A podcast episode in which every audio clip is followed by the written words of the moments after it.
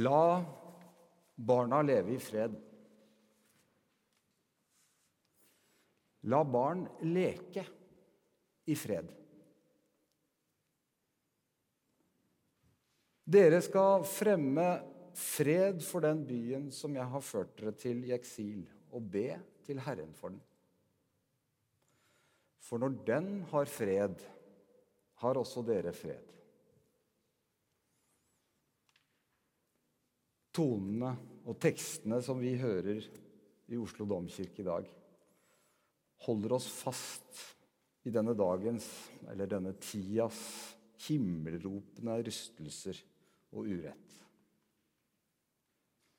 De treffer selve nerven, smertepunktet, i det som omgir oss akkurat i dag. Det handler om lidelse. Det handler om ledelse og om lydighet. I den første av de hellige sangene, 'Cantos Sagrados' av James Macmillan, hørte vi koret gi stemme til en fortvilet, opprørt kvinne som trer inn i morens sted. Kroppen som er funnet, lemlestet av vold, er navnløs og naken. Den tilhører ingen, sier den mektige i politiets skikkelse. Offeret har ingen identitet. Kvinnen svarer i Anna Dorfmanns sterke dikt, oversatt til nynorsk av Are Frode Søholt. Sei til deg at jeg gjør meg klar. Jeg vil komme nå. Om politimannen er den same som sist, vil han vite hva som vil skje.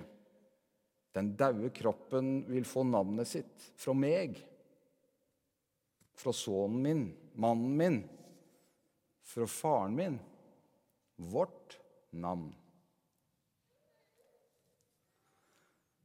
Vi som hører disse ordene i dag, kan jo ikke annet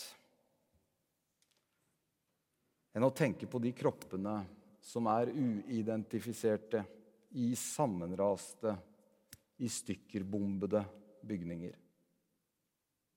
Vi må tenke på Al-Ali-sykehuset i Gaza by på menighetssalen ved den ortodokse Sankt Porfyros-kirken.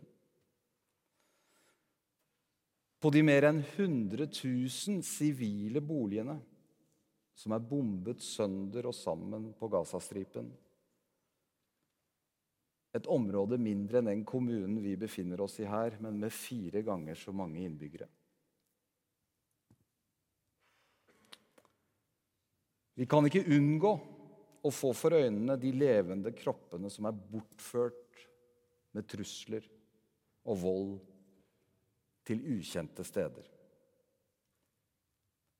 De som er meiet ned for fote bare fordi de var der, på feil sted, til feil tid. Bare fordi de var dem. Og om vi ikke ser dem eller hører om dem, er de der fortsatt Barna, de gamle, alle de med navn vi ikke kjenner, men som er uendelig kjær for dem som en gang ga dem navn. De er der i Ukraina, i Darfur, i Afghanistan, på Haiti. Vil de få navnene sine fra oss? vil vi, som den fortvilede, opprørte kvinnen, som stedfortredende mor, identifisere dem? Vil vi identifisere oss med dem? Lidelsen er himmelropende. Den roper om rettferdighet. Den hvisker fram smerten og sorgen. Uskyldig lidelse vekker medlidenhet. Den kan bygge solidaritet. I bønn, i bøssebæring, i fredsdemonstrasjoner, hjelpesendinger og krav om beskyttelse. Men den vekker også harme. Og den kan vekke tanker om hevn. Lidelsen utløser protesten. Den inderlige klagen. Klagen mot Gud. Og mot de ansvarlige. Mot myndighetene. Mot lederne. De lederne som alle, vi, folk, er utlevert til og avhengige av. Lidelsen er alltid også politisk. Det politiske, vet vi, det er organisering av fellesskap. Den som tror hen kan melde seg ut av det politiske, må tro om igjen. Den som tror at tro og politikk ikke henger sammen, det drar seg selv og andre. Politikken verner livet eller ofrer det. Den etterlater ingen likegyldig. Den lar ingen av oss unnslippe. Og midt i den voldsbølgen som raser på kloden i dag, står politiske ledere. Folket, familiene, barna som rammes, er utlevert til disse lederne. Sine egne ledere og fiendens. I Russland og Ukraina.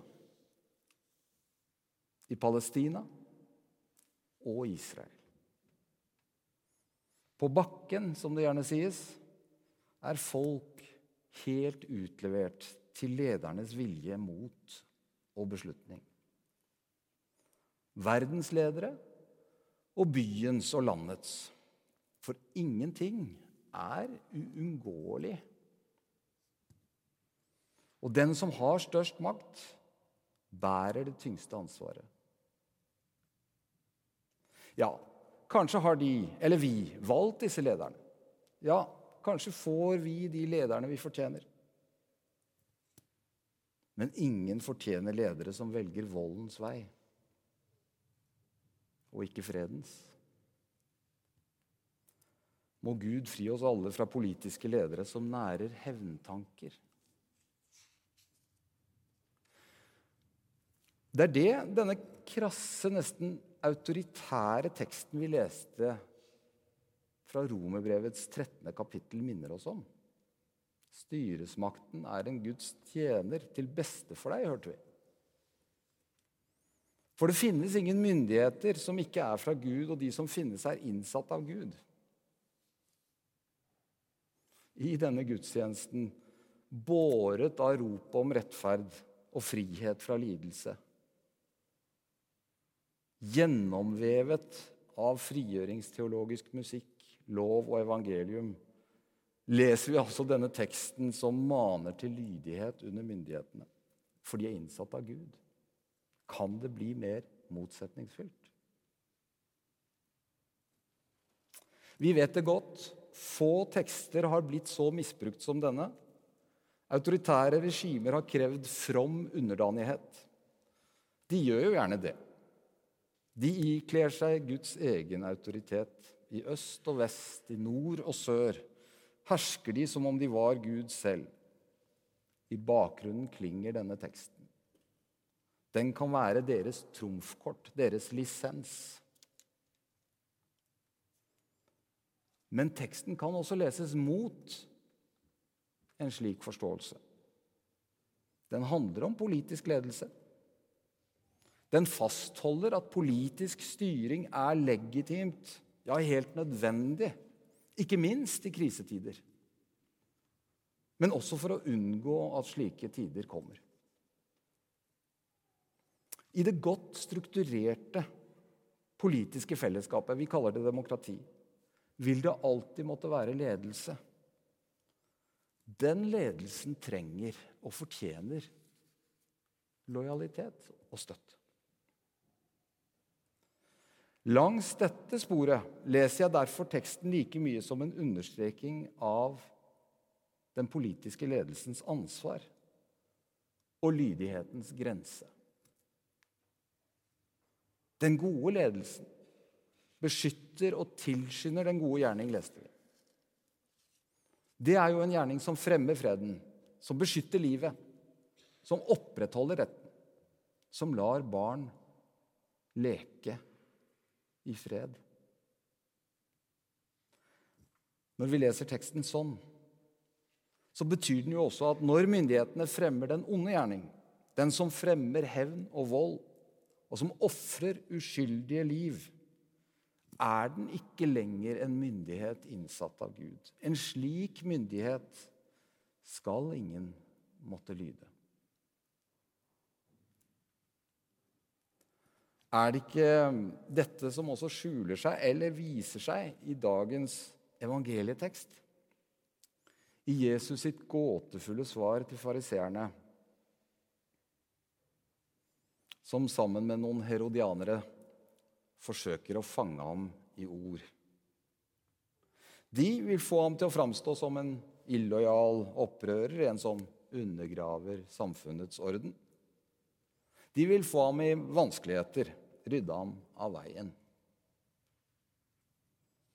Innsmigrende og tilsynelatende uskyldig spør de ham er det tillatt å betale skatt til keiseren eller ikke. Egentlig tester de ham. Egentlig spør de ham skal undersåttene lyde overmakten. Skylder det koloniserte folket å lyde okkupasjonsmaktens allmektige hersker? Jesus befinner seg i en maktskjev situasjon i et samfunn preget av enorm maktskjevhet. Og han svarer slik undertrykte ofte gjør når de står opp mot overmakten. Ikke i klare ord eller direkte konfrontasjon, men med en lignelse, et eksempel, en fortelling, et spørsmål tilbake. Nesten en kode. Men det er en kode som lett kan knekkes. Den er nærmest innlysende for dem han snakker til, og for den som har øyne og ører og et bankende hjerte. Mynten viser keiserens bilde. La ham få den mynten. Men la Gud få det som Guds er. Og hva er det?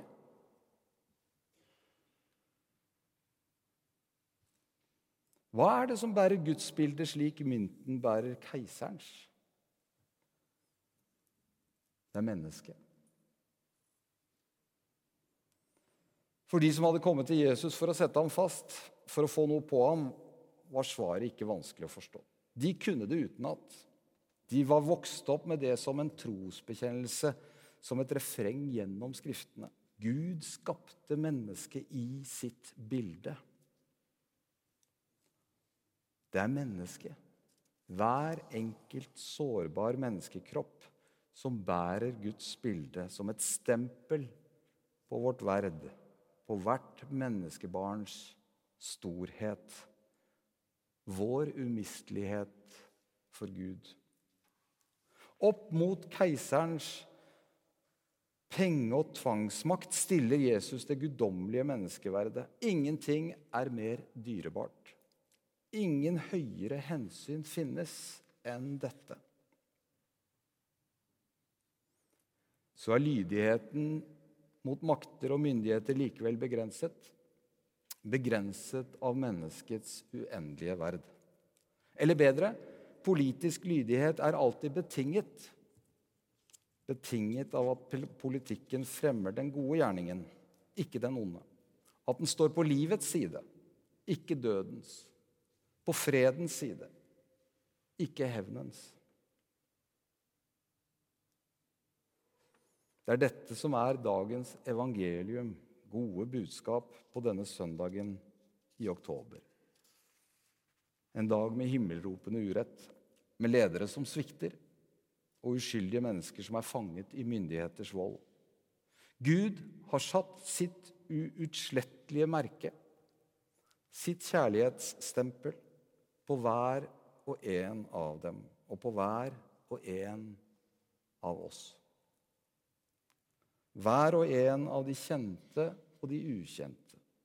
De navnløse og nakne, de bortførte og bombede, bærer Guds bilde. Gud identifiserer dem. Identifiserer seg med dem, slik kvinnen, som en stedfortredende mor, gir navn til den uidentifiserte kroppen. Slik Gud har satt sitt beskyttende stempel på hver og en av sine umistelige mennesker, på hver og en av oss. Det er et godt budskap. Ingen er glemt av Gud. Ingen skal ofres. Vi holder det for å være sant i dette rommet, i denne gudstjenesten. Stadfester vi det, bekjenner det, kanskje mot alle odds. Gud er vår tilflukt. Guds rettferdighet overgår all forstand. Guds kjærlighet skal ha siste ord. Vi tror det, men det beroliger oss ikke. Det skaper i oss protest og lengsel. Protest mot at bombene fortsatt faller fra himmelen. At hjelpen forhindres, at barn drepes, at gamle og unge bortføres, at makthavere fremmer hevn framfor fred. At ledere ikke beskytter livet. Og det skaper i oss lengsel. Lengsel etter den dagen, den timen, våpnene må stilne, uretten må opphøre, og barna får leke i fred under Guds himmel. En himmel fri for missiler, droner og jagerfly. En himmel full av stjerner. Når jeg ser din himmel, ber vi med Salme 8 fra den hebraiske bibelen, vårt gamle testamente. Når jeg ser din himmel, et verk av dine fingre månen og stjernene som du har satt der. Hva er da et menneske? At du husker på det. Et menneskebarn, at du tar deg av det. Du satte ham lite lavere enn Gud og kronet ham med herlighet og ære. Amen.